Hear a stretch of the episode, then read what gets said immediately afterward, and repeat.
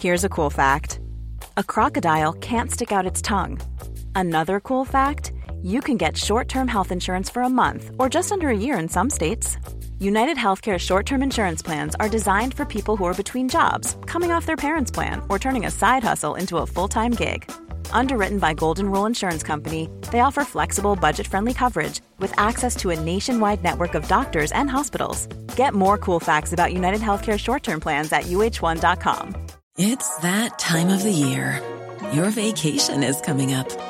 You can already hear the beach waves, feel the warm breeze, relax, and think about work. You really, really want it all to work out while you're away.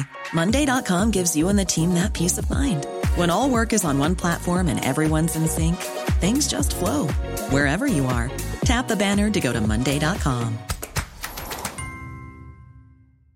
Many of us have those stubborn pounds that seem impossible to lose, no matter how good we eat or how hard we work out. My solution is PlushCare. PlushCare is a leading telehealth provider with doctors who are there for you day and night to partner with you in your weight loss journey. They can prescribe FDA-approved weight loss medications like Wagovi and Zepbound for those who qualify. Plus, they accept most insurance plans. To get started, visit plushcare.com slash weight loss. That's plushcare.com slash weight loss.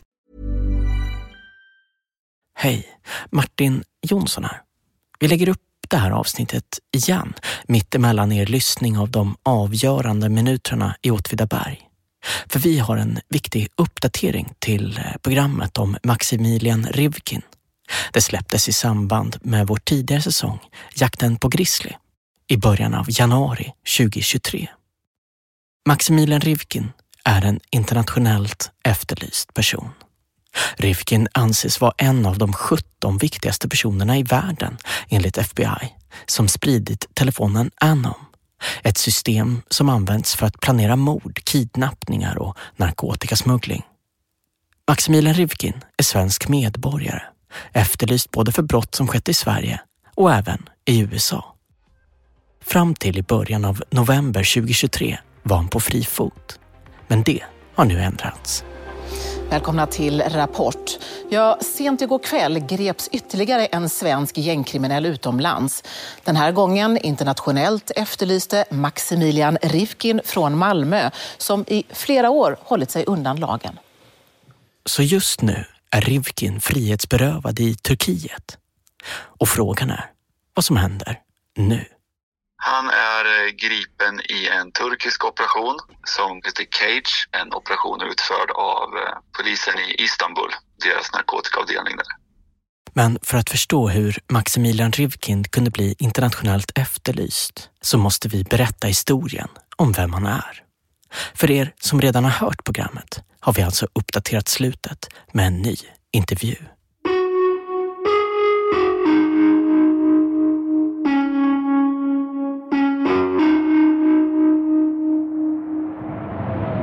Du lyssnar på Spår.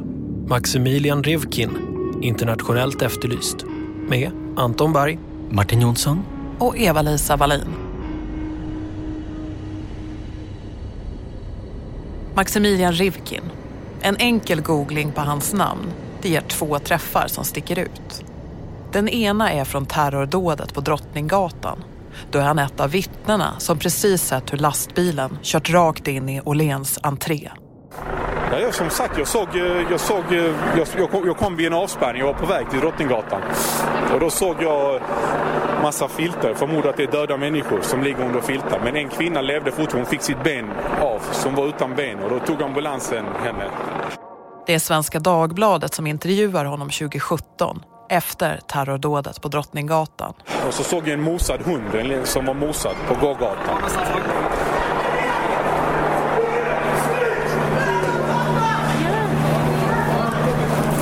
Människor skrek, folk är hysteriska. Människor är lemlästade.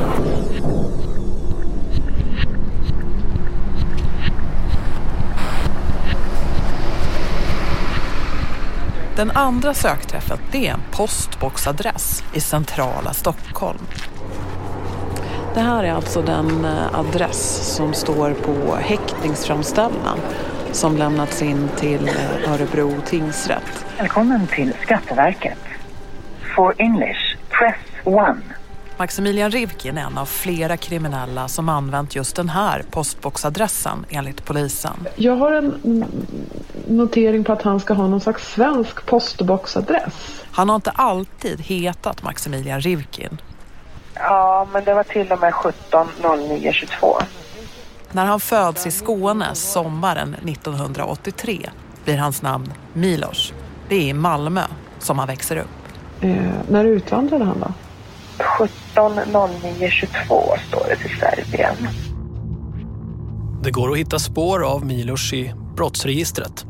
Där ser vi att Milos döms under några år under 00-talet för narkotikabrott, brott mot vapenlagen och så några trafikbrott. Han jobbar på en bilhandel där polisen misstänker att han är inblandad i köp av kokain, något som han aldrig blir dömd för. I februari 2012 så stoppas han av franska tullen efter att ha försökt föra in 118 000 euro, alltså drygt en miljon kronor, in i Frankrike. Pengarna låg gömda i bilens luftfilter. Våren 2013 blir Milos intressant för svenska tullen för narkotikahandel. De spanar och i slutet av mars slår man till och griper honom och även en annan man. Tullen gör då en husrannsakan i en lägenhet i Kortedala i Göteborg och hittar två kilo utspätt kokain. Dessutom finns bland annat 19 förpackningar druvsocker, aceton, en våg och en kokainpress i lägenheten. Båda männen döms till fängelse. För Milos blir det sex år. Det är hans första fängelsestraff och han placeras på Tidaholm, en anstalt med högsta säkerhetsklass, alltså klass 1. Det eftersom kriminalvården anser att det finns risk för att han rymmer eller blir fritagen. Eller att han blir våldsam. Namnbyten. Mm. Han hette Milos Just det. först i förnamn och Ja. så bytte han till Maximilian 16 10 18. Det är under tiden på anstalt som Milos blir Maximilian Rivkin. 16 10 18 bytte han också till Riv, Rivkin. Rivkin. Folkbokföringen kan bara se att han byter namn, inte varför. Det är Patent- och registreringsverket som fattar beslutet. Ja men hej, det här var Kia på PRV Kundsupport. När man 2016 ville byta förnamn och ta ett nytt efternamn men inte har någon anknytning till det så får man vända sig dit. Nu har jag fått upp akterna. Går det att läsa exakt det som han har skrivit? Svårt att uttala, eh, typiskt serbiskt passar inte in internationellt. Efter en kort tid i Stockholmsområdet flyttar Rivkin utomlands. Det är då Rivkin kommer bli en av de mest betydelsefulla personerna i en hemlig FBI-operation. Han blir en av tre huvudadministratörer för en krypterad förmodad säker telefon som heter Anom, vars huvudanvändare är kriminella. Rivkin kan lägga till användare och kan dessutom radera deras kommunikation. Men för att förstå bakgrunden till Anom-operationen, hur det kommer sig att FBI, den federala amerikanska polisen, själva såg till att förse kriminella med en ny krypterad kommunikationstjänst, så behöver vi släppa Rivkin ett tag och förflytta oss till USA. Criminal gangs are now using encrypted mobile phones which make their communications impossible to decipher. 2017 då har det blivit allt vanligare att polisen börjar beslagta krypterade telefoner. American Security Today rapporterar. This is the online video that advertises a company called Phantom Secure. It sells encrypted phones that are so secure even Australia's electronic spy agency can't crack their code. Amerikanska FBI intresserar sig, precis som alla underrättelsetjänster och poliser, för de krypterade telefonerna. Och för dem blir ett bolag särskilt intressant. Det heter Phantom Secure och säljer modifierade Blackberry-telefoner. Phantom Secure are a modified BlackBerry. In a way, what they have done to a BlackBerry phone is added additional encryption for secure communication, plus the ability to wipe um, phone, the phone after messages are sent. Phantom Secure riktar sig till transnationella kriminella organisationer som främst sysslar med narkotikasmuggling. What they seem to be offering is effectively a handset that's highly locked down. You're not able to make calls, you're not able to use the SMS system or emails or anything like that. American Security Today rapporterar. The only thing you can use is to use the BlackBerry messaging system. You would need to provide a password on your phone to unlock the message and then you'd be able to view it. Enligt FBI använder sig kriminella syndikat över hela världen av telefonerna. So we started an investigation against Phantom Secure in 2016 and at the time Phantom Secure was sort of the name brand of these hardened encrypted devices. FBI-agenterna Nicholas Chevron och Stephanie Stevens berättar i Europols podcast om utredningen mot Phantom Secure. There are multiple companies out there and they're constantly competing for the same criminal base. We became familiar with these hardened encrypted devices and um, that they were being used by tens of thousands of criminals around the world, primarily involved in large scale international drug trafficking. I mars 2018 då griper FBI Phantom Secures VD och då är mer än 20 000 telefoner från Phantom Secure spridda runt om i världen. Bland kunderna finns enligt FBI bland annat Sinaloa-kartellen i Mexiko och Hells Angels i Australien. Tillslaget mot vdn det sker också i samarbete med AFP, australiensisk polis. Ramos was the CEO of the tech company, an $80 million operation that promised to provide uncrackable security for businesses, including murderers and drug kingpins. Global News rapporterar. The so called clients used email handles like The Cartel, The Killa, Trigger Happy, and El Chapo. VDn får nio års fängelse för att ha tillhandahållit telefoner som gjort det möjligt för kriminella nätverk att kommunicera om internationell narkotikasmuggling. According to FBI documents, he admitted his technology helped move drugs around the world. Men bara kort därefter kommer FBI själva att göra exakt samma sak. Alltså göra det möjligt för kriminella att planera narkotikahandel, mord och smuggling med en alldeles egen utvecklad telefon. Det är det här som är starten för Anom. För det blir ett hål i marknaden när Phantom Secure försvinner. Kriminella behöver fortsätta kommunicera krypterat och vänder sig till andra tjänster. FBI rekryterar då vad de själva kallar CHS, Confidential Human Source, alltså en hemlig källa som tidigare distribuerat telefoner från just Phantom Secure och som tidigare dömts till sex års fängelse för narkotikasmuggling. Den hemliga källan är misstänkt för nya brott men jobbar alltså nu för FBI i utbyte mot möjligheten att få nedsatt straff. Personen har även investerat citat “a substantial amount of money” slutcitat, i utvecklingen av en ny slags hårdkrypterad telefon. Det är den som FBI kallar Anom. FBI uppger att källan får 120 000 dollar för det här och även närmare 60 000 dollar för rese och boendekostnader. Det motsvarar idag totalt ungefär 2 miljoner svenska kronor. Planen är att distribuera Anom-telefonen till kriminella. FBI jobbar tillsammans med AFP, Australian Federal Police. As you know, some of the best ideas come over a couple of beers and uh, that's, that was told. Yes. Idén om att samarbeta gällande Anom kommer enligt kommissarie Reese Kershaw vid AFP över en öl. FBI och AFP bygger med hjälp av den hemliga källan en huvudnyckel in i det krypterade systemet som i smyg bifogas varje meddelande. Huvudnyckeln gör det möjligt att lagra, avkryptera och läsa de meddelanden som skickas utan att den som använder Anom vet om det. Just get it to, into the hands of a few influential people in the criminal underworld and they'll sort of take it from there because they'll be driven by money, the money that they're going to make off selling these devices, money that they're going to be making from the criminal activities they're conducting on the devices. FBI-agenten Nicholas Chevron igen från Europols podcast.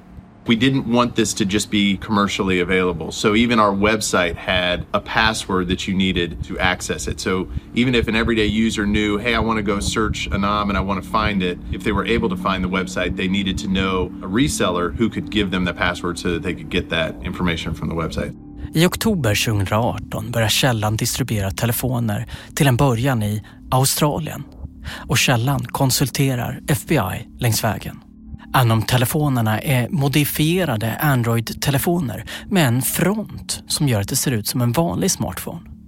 Men när man går in i kalkylatorn skriver man in ett lösenord och sen sker all kommunikation krypterad. There was also a feature that allowed you to put in a certain code that would essentially create a wallpaper that had some of those Facebook, Instagram applications on it so that if you were ever questioned by law enforcement or you needed to sort of legitimize it and, and show someone, uh, you, you could do that.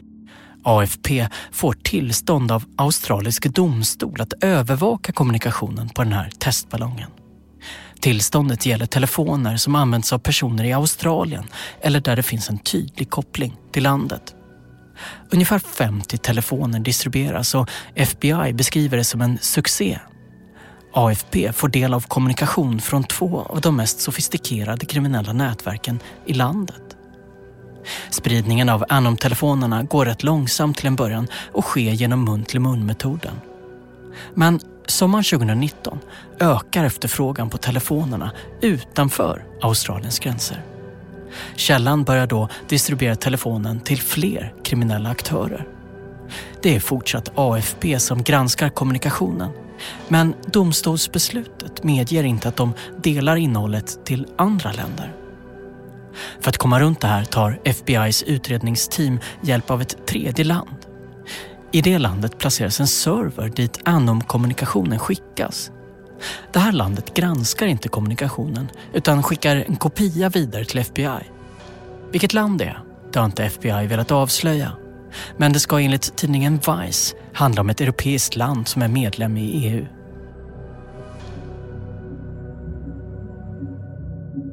Den 21 oktober 2019 får FBI de första meddelandena från tredjelands server. Nu är antalet Anom-användare uppe i ett hundratal, de flesta fortsatt i Australien. Måndagar, onsdagar och fredagar får FBI meddelandepaket. Det handlar om, så småningom, om miljontals chattar, ljudmeddelanden och bilder från samtliga Anom-användare. Med några få undantag.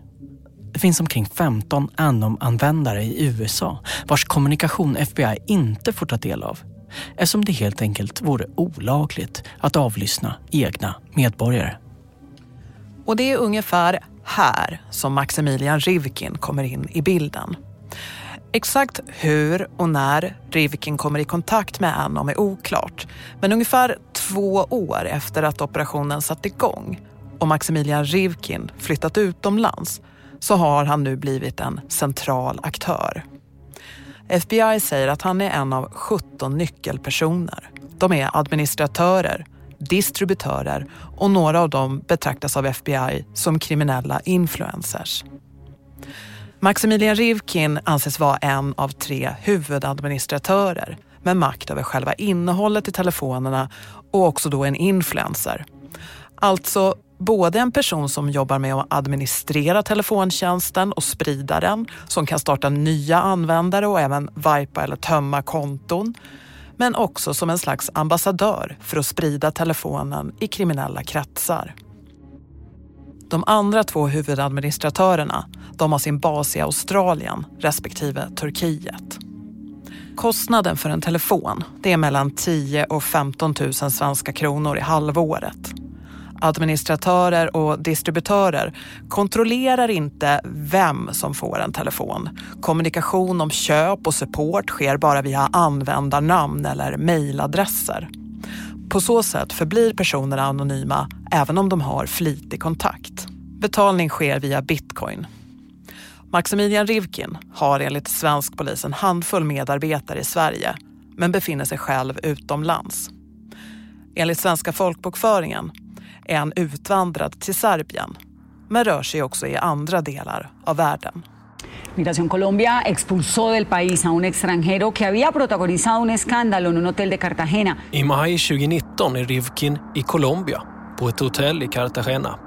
På tv-bilder från colombianska Noticias Caracol syns hur det slängs en stol genom ett fönster. Vanessa es un turista sueco que había lanzado varios enseres desde la habitación en la que se había hospedado. Rivkin ska också ha slängt ut andra saker, som en kvast och ett bord. Desde un edificio en el sector de Boca Grande, el ciudadano sueco Maximilian Ripkin lanzó el pasado 8 de mayo sillas... Rivkin är drogpåverkad och grips. Han misstänks också för sexuell exploatering av kvinnor. Colombias migrationsmyndighet fattar beslut om att utvisa honom och ger honom även inreseförbud i sju år. Por este comportamiento, Migración Colombia expulsó del país al extranjero de 35 años. De första spåren av Rivkins inblandning i Anom i Sverige kan vi hitta i polisutredningar om brott från 2020. Polisen kopplar honom då till ett Anom-konto som har aliaset Microsoft. Där är den igång. Och vill du berätta någonting inledningsvis? En pensionerad man som åtalas och dömts för narkotikabrott berättar under en rättegång efter att Anom avslöjats hur han i februari 2020 får en jobbförfrågan från användaren Microsoft. Då erbjöd han mig att om jag, eller han frågade mig om jag ville vara med i en firma som handlade med krypterade telefoner. Pensionären, vars röst vi har förvrängt, berättar hur han lärde känna Rivkin redan som barn och att pensionären hjälper Rivkin med praktiska saker. Jag har känt Microsoft sedan han var barn. Jag umgicks med hans eh, föräldrar. Och jag har hjälpt honom under den perioden eftersom han inte kunde vistas i Sverige på grund av att han hade eh, konflikter med folk. Hösten 2020 då får svensk polis en förfrågan om att vara med i Operation Trojan Shield, som FBI kallar insatsen. Ted Esplund på polisens nationella operativa avdelning NOA berättar att Maximilian Rivkin nämns redan i de första samtalen med FBI. Ja, han var intressant eh, ganska tidigt, eller rättare sagt redan från början när vi fick ärendet presenterat eh, för oss. När vi hade bestämt oss för att gå med i den här eh, Anom-insatsen så fick vi ju en dragning. It's that time of the year. Your vacation is coming up. You can already hear the beach waves, feel the warm breeze, relax and think about work. You really, really want it all to work out while you're away. Monday.com gives you and the team that peace of mind. When all work is on one platform and everyone's in sync, things just flow wherever you are. Tap the banner to go to Monday.com. If you're looking for plump lips that last, you need to know about Juvederm lip fillers. With Juvederm Volbella XC and Juvederm Ultra XC, your lip look, whether it's subtle or bold, can last up to one full year with optimal treatment and no additional maintenance. Find a licensed specialist and see if it's right for you at juvederm.com today. That's J U V E D E R M.com. Add fullness to lips in adults over 21 with Juvederm Volbella XC or Juvederm Ultra XC. Do not use if you have severe allergies or a history of severe allergic reactions, or if you're allergic to lidocaine or the proteins used in Juvederm. Tell your doctor if you have a history of scarring or taking medicines that decrease the body's immune response or that can prolong bleeding. Common side effects include injection site redness, swelling, pain, tenderness, firmness, lumps, bumps, bruising, discoloration, or itching. As with all fillers, there's a rare risk of unintentional injection into a blood vessel, which can cause vision abnormalities, blindness, stroke, temporary scabs, or scarring. For full important safety information, visit juvederm.com. Hey, it's Danny Pellegrino from Everything Iconic. Ready to upgrade your style game without blowing your budget? Check out Quince. They've got all the good stuff shirts and polos, activewear, and fine leather goods, all at 50 to 80% less than other high end brands. And the best part? They're all about safe, ethical, and responsible manufacturing. Get that luxury vibe without the luxury price tag. Hit up quince.com slash upgrade for free shipping and 365 day returns on your next order. That's quince.com slash upgrade. Mer i detalj eh, av eh, USA och då berättar de ju om eh, en svensk aktör som befann sig i Turkiet och eh, hade nära samröre med en annan eh, person som var intressant för eh, Australien och att de var stora försäljare av eh, enheten. Det var väldigt tydligt för oss också vilken påverkan han hade in mot Sverige i att förse marknaden i Sverige med de här enheterna. Maximilian Rybkin är alltså en av tre huvudadministratörer. Hans fokus ligger på Europa och Sverige. Han var ju en eh, aktör som eh, var igång och sålde de här enheterna och var väldigt viktig för spridningen i, i Sverige. I sin eh, försök att få ut de här enheterna så kunde vi ju se då vilka han använde sig av och fick mycket ledtrådar till att identifiera individer hemma genom hur han beskrev vilka som är intresserade av att köpa i Sverige. I Anom-chattar går det att ta del av hur Rivkin coachar andra i hur de ska marknadsföra Anom. Du måste inte vara trevlig. Vi har låtit en annan person läsa in meddelandet. Du måste bara säga att det är golbögar och polisinformatörer som använder Sky. Och den är öppen helt enkelt. Och skitsamma de har förnyat sin Sky. De får den för fyra lax. De får köpa allihopa nya Anom, du vet. Vid ett annat tillfälle skriver Rivkin att Anom, det kommer bli en bra affär som kommer att löna sig. Det blir varaktigt. kommer bli enormt. Vi kommer pusha ut alla andra ur businessen. Och det här kan svensk polis ta del av. Inte riktigt i realtid, men så gott som. Så att genom att följa honom så fick vi ju väldigt mycket eh, ledtrådar och eh, sen visade det sig ju ganska så snabbt också att han var inblandad i en mängd annan brottslighet utöver att eh, förse nätverken med de här telefonerna. Så att han blev ju en, en intressant individ eller en, en utav kanske de ur ett svenskt perspektiv viktigaste personerna att ha koll på under hela insatsen. Maximilian Rivkin har medhjälpare och kollegor. Han besöker Sverige för möten, det syns i chattarna. Men det är utomlands han bor och främst därifrån som han styr sina affärer. I mitten av 2020 då får en annan man, han är i 30-årsåldern och bor i Göteborg, en fråga från Rivkin om att bli återförsäljare. Det här berättar mannen under en rättegång där han själv står åtalad misstänkt för förberedelse till mord och grovt narkotikabrott. Vart fall så hade han, min vän, då sagt om en kontakta Microsoft så han stod inom Anom. Vi har förvrängt hans röst. Jag känner inte Microsoft. Jag känner aliaset Microsoft. Jag har ingen aning hur han ser ut. Jag vet inte vad han heter. Jag vet inte var han bor. Jag vet ingenting om honom. Och Microsoft är ju Maximilian Rivkins alias enligt polis och åklagare. Och så började min återförsäljarkarriärjobb med att jag fick, jag tror det var den tio stycken telefoner gratis utav, eh, utav Microsoft för att i syfte att marknadsföra och sälja dem. Och jag skulle säga att jag märkte väldigt snabbt att han var så stor som, som jag hade fått sagt till mig att och det säger inte bara för att han har sagt till mig i chatten att han eh, delägare i Anom, att han var, eh, var med och grundade Anom. Eh, han kunde ge mig många telefoner jag ville, gratis. Jag märkte snabbt att han kunde bestämma vem som fick och inte fick sälja i Sverige och hela världen i princip bestämda. Jag blev ensam återförsäljare i västra Sverige och en av två, tre kanske totalt i hela landet som honom. Det här bekräftas av polisen. Enligt Ted Esplund på NOA är det en handfull personer som står för försäljning, administration och support av Anom i Sverige under ledning av Maximilian Rivkin. Men var, var Microsoft nöjd då med, med dig som återförsäljare? Men det vill jag tro. Jag hade ju kvar jobbet tills ja, den dagen jag blev biten. Men själva hanteringen av Anom-telefoner, det är inget som mannen i Göteborg åtalas eller döms för. Däremot döms han för vad som sägs i Anom-chattarna. Han får sju års fängelse för grovt narkotikabrott och delaktighet i mordplaner. En annan man i Malmö i 55-årsåldern blir agent för Anom på uppdrag av Maximilian Rivkin sommaren 2020. Malmömannen berättar under en rättegång om kontakten med Rivkin. Vi har förvrängt mannens röst. Jag känner ju honom som, som uh, Milos. Milos, det var ju alltså Rivkins gamla namn innan han bytte. Och uh, sen det här Maximilian Rivkin, han vägrar ju in mig i Anom. För jag är arbetslös då. Och han kommer med det, detta här förslaget till mig om jag vill vara få generalagentur på Anom Skandinavien. Och eh, det, allting skulle vara ärligt. För du vet, i början var jag lite skeptisk och så, men, men eh, vi skulle sköta det by the book.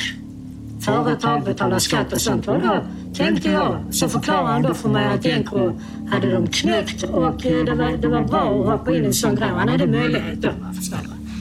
När är det Rifkin kommer med det här eh, erbjudandet eller förslaget om att du skulle bli agent för eh, Anom? Jag tror det är någon gång i juli. I början av juli. Vilket år? 2020. Malmömannen anar dock att det är något konstigt med Anom-företaget. Att det inte är det där vita affärsupplägget som Rivkin ska ha pratat om från början. Jag tror han sa någonstans att Anom ska sälja som man säljer narkotika. Svart. Förstår du? Det, det, det vill inte jag vara med Och då började jag bli skum på honom också och började, började göra en liten background research. Hur ska man nu säga detta på sig? En bakgrundskontroll på, på honom. Jag började fråga runt om honom och då får jag reda på grejer jag inte tycker om. En bedragare, så nivåer blåsare. Malmömannen ska tillsammans med andra ha hanterat 20 kilo kokain och närmare 2 kilo amfetamin som förvarats i en lada på en gård i Staffanstorp. Maximilian Rivkin är en av de misstänkta. Enligt åklagaren har han en central roll i narkotikapartiet. Malmömannen förnekar narkotikabrott. Han hävdar att han inte deltagit i konversationerna. Men han döms till nio års fängelse. Pensionären som vi hört tidigare i programmet, mannen som kände Maximilian Rivkin redan som barn, hjälper under 2020 Rivkin med Anom-telefoner. Han tar också på sig att samla in pengar från personer som har skulder till Rivkin. Enligt pensionären är inget våld inblandat utan bara rena transaktioner av pengar. Så efter, efter de här telefonerna så, så blev jag erbjuden att ta och hämta in pengar även, även från det här narkotikaverksamheten och det gick jag också med, med på. Och till, till en början då, då gick det ju allting bra. Men eh, sedan så kom jag i, i, i bråk med, med eh, Microsoft Men det hela börjar bli för bråkigt och för stort för pensionären. Det berättar han under rättegången mot honom. Han började också bråka med all, alla andra människor och, och liksom han skulle styra och ställa och eh, alla, alla var fiender helt, helt plötsligt. Men enligt polis och åklagare är det inte bara insamlingen av pengar och distributionen av Anom-telefonen som pensionären sysslar med. Han är misstänkt tillsammans med Rivkin och ytterligare två män för att vara delägare i en amfetaminfabrik i en villa i Olshammar, några mil söder om Örebro. Det berättar Andreas Börjesson, utredningsledare i polisregion Bergslagen. Man diskuterade i termerna att man ville komma upp i en kapacitet på att tillverka 1,2 ton amfetamin i månaden. Eh, Och där någonstans, den kapaciteten var man faktiskt uppe i eh, när vi slog. Och det var av den anledningen vi kände också att man var tvungen att få stopp på det här. Anom har i början av 2021 ungefär 3 000 användare. Men det blir ännu fler när det står klart att Sky ICC, ytterligare en krypterad tjänst, knäcks i mars 2021. Då nära tredubblas siffran till 9 000. Men tre månader senare, i juni 2021, då beslutar FBI att det är dags att avslöja vad Anom egentligen är. Då slår poliser i flera länder till mot tongivande kriminella. Insatsen är koordinerad på detaljnivå. Jag har aldrig upplevt något liknande så. Det är fortfarande en eh, fas av att eh, ingen ska egentligen känna till det här. Mer än de som är initierade. Ted Esplund är en av få svenska poliser som vet vad som ska hända. Poliser i olika delar av Sverige har bara fått instruktioner om att 155 personer ska gripas. Den här händelsen är så pass unik att vi beskriver den ännu mer på djupet i Spårs säsong om jakten på grizzly. De vet bara farlighetsgraden på individerna, vad man kan förväntas mötas av så att vi inte utsätter någon för risker.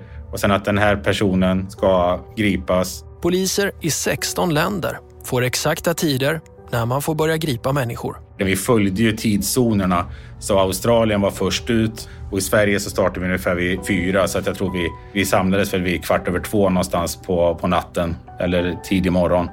Eh, Och sen då börjar ju komma nyhetsflashar från, från internationella medier att det är någonting på gång i, i Australien. sen var det någonting som började komma liksom i Europa och Sverige. Och i Tyskland var det ju också nyhetsnotiser att någonting är på gång för nu slås det in dörrar på alla möjliga orter vid samma tidpunkt.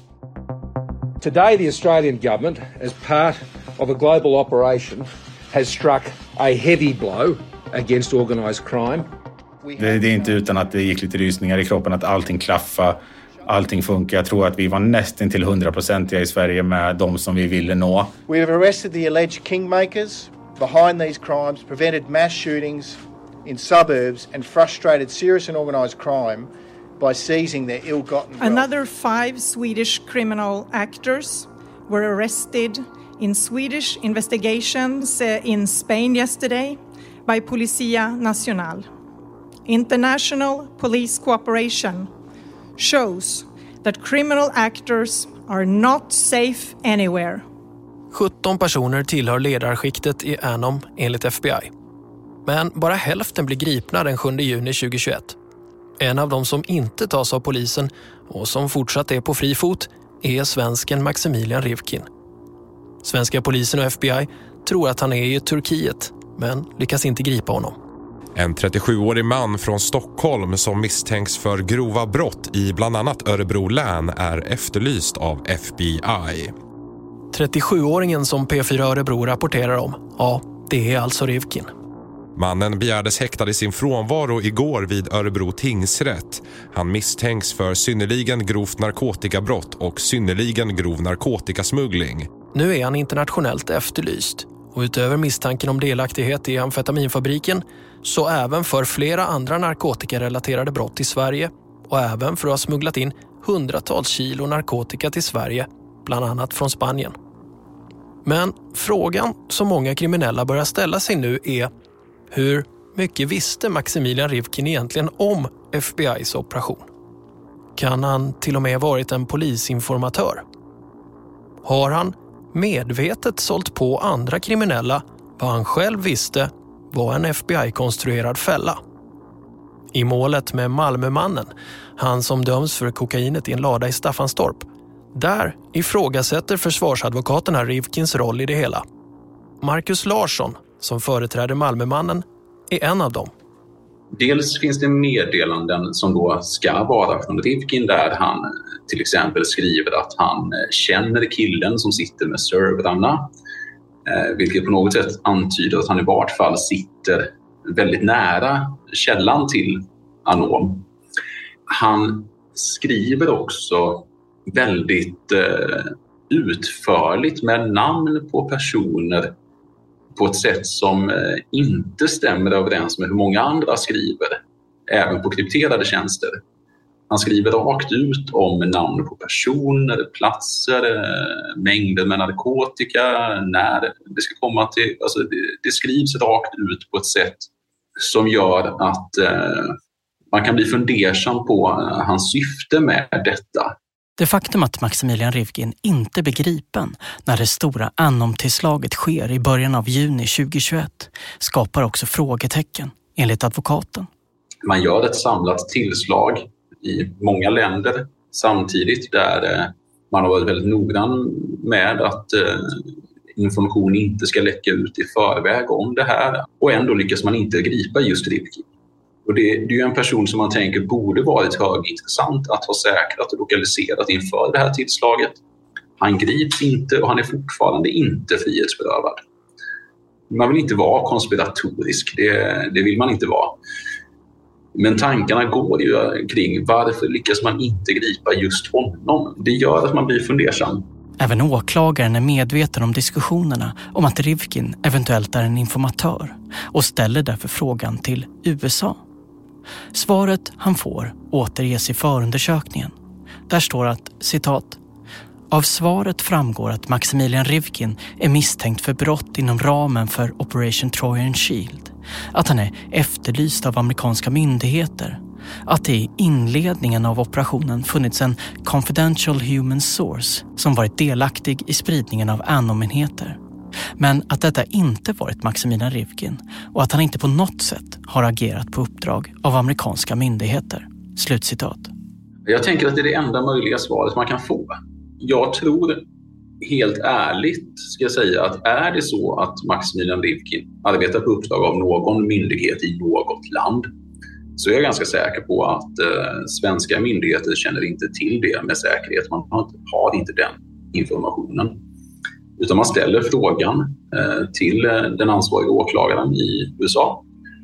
Och svaret är väl det enda man kan förvänta sig att få. För antingen så stämmer svaret, det vill säga han är inte agent åt FBI. Det framgår ju av svaret att FBI har använt sig av det man kallar för en human source.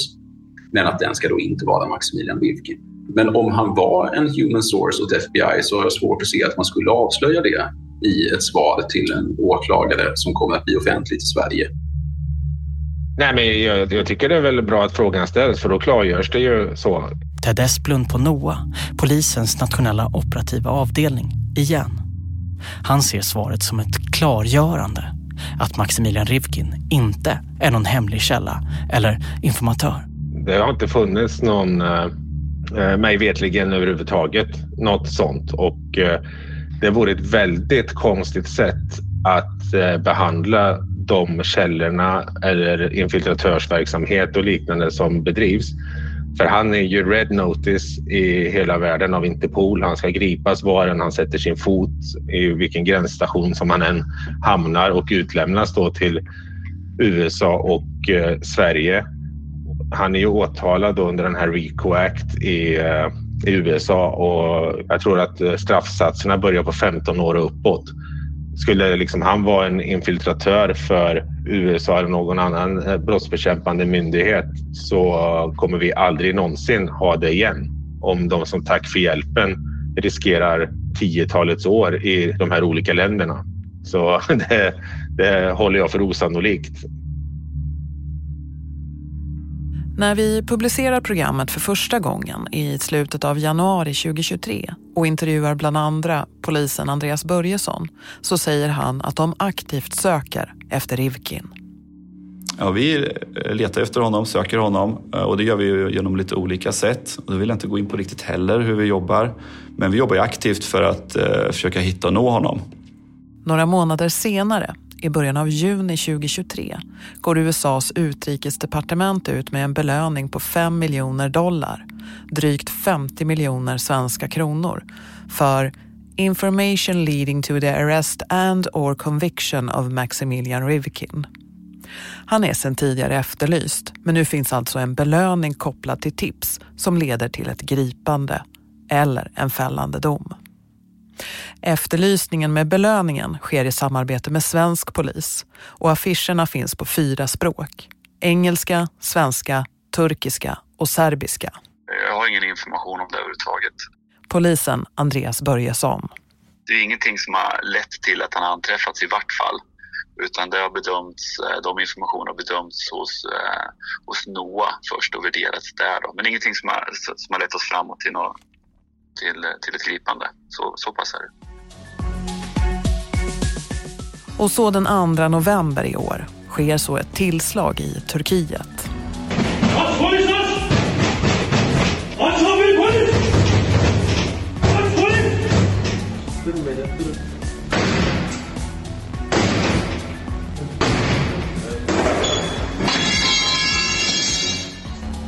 På X, tidigare Twitter, skriver turkiska inrikesministern långa inlägg om Operation Bur, som den turkiska operationen kallas. Den är riktad mot ett kriminellt nätverk, Comanchero, som i grunden är australiensiskt men som enligt turkiska medier smugglat droger från Sydamerika till Australien, Asien och även Europa. Nätverkets tillgångar ska ha tvättats i Turkiet. Den utpekade ledaren är en man som är uppvuxen i Australien men med turkiska rötter. Ledaren är, precis som Maximilian Rivkin, en av de 17 personer som varit efterlyst av FBI för att ha administrerat och spritt Anom-telefoner, rapporterar Seven News Australia. Australia's most wanted man has been arrested in Turkey overnight. The former Comanchero boss and head of the Australian cartel, the organisation that manages the importation of drugs into Australia, he was arrested by Turkish authorities in a major crackdown on leading Comanchero. He was one of Den turkiska polisen gör fler gripanden i flera dagar. Och två dagar senare, den 4 november, grips också Maximilian Rivkin, något som SVT var först i Sverige med att rapportera. Ja, sent igår kväll greps ytterligare en svensk gängkriminell utomlands. Den här gången internationellt efterlyste Maximilian Rivkin från Malmö som i flera år hållit sig undan lagen. I en video som delats av Turkiets inrikesminister syns Maximilian Rivkin föras till en bil av narkotikapolis i Istanbul. Rivkin är misstänkt för grova narkotikabrott trafficking, penningtvätt och för att ha sålt telefoner med en krypterad chatttjänst till gängkriminella. Även Maximilian Rivkin anses vara en av personerna i nätverket Comancheros toppskikt. Totalt blir det Even when we're on a budget we still deserve nice things. Quince is a place to scoop up stunning high-end goods for 50 to 80% less than similar brands. They have buttery soft cashmere sweaters starting at $50, luxurious Italian leather bags, and so much more.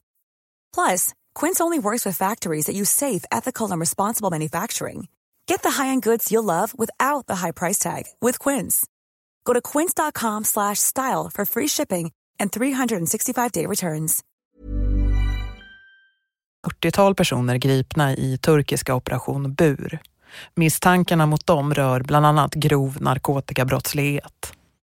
Han är eh, gripen i en turkisk operation som eh, heter Cage och som är en operation utförd av eh, polisen i Istanbul, deras narkotikaavdelning där.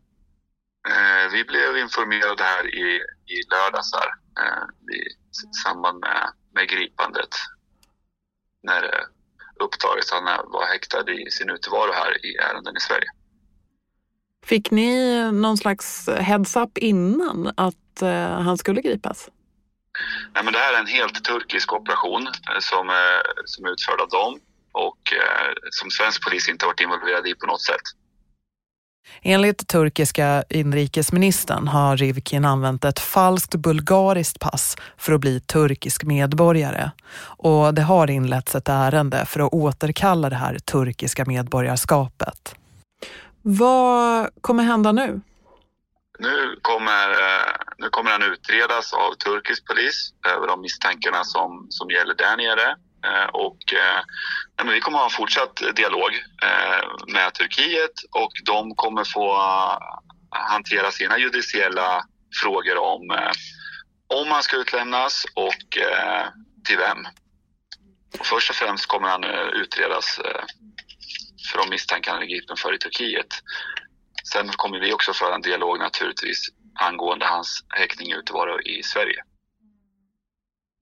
Har ni fått eh, eh, något tidsperspektiv? Hur lång tid kan det tänkas ta, utredningen i Turkiet? Nej, vi har inte fått någon sån information. Det är inte bara Sverige som är intresserad av den här personen utan även eh, USA eh, där han ju också är efterlyst. Hur eh, ser diskussionerna ut er emellan? Nej, men det är inga diskussioner på det sättet utan man utgår från sin egen lagstiftning och han är häktad eh, i sin utevaro för brott här. Och eh, det finns andra länder också som är intresserade utifrån från sin. Och sen är det upp till eh, det land han anträffas i att göra sina egna bedömningar om och utifrån sin lagstiftning vart han ska utlämnas i. Så det är ingenting som vi eh, på något sätt lägger i. Det är inte vårt beslut helt enkelt.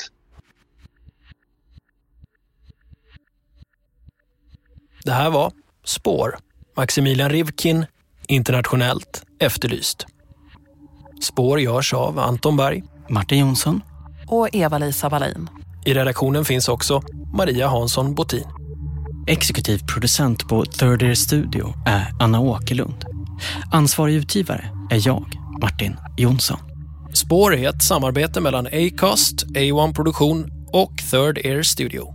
Vill du komma i kontakt med Spår? Hör av dig till oss på sociala medier.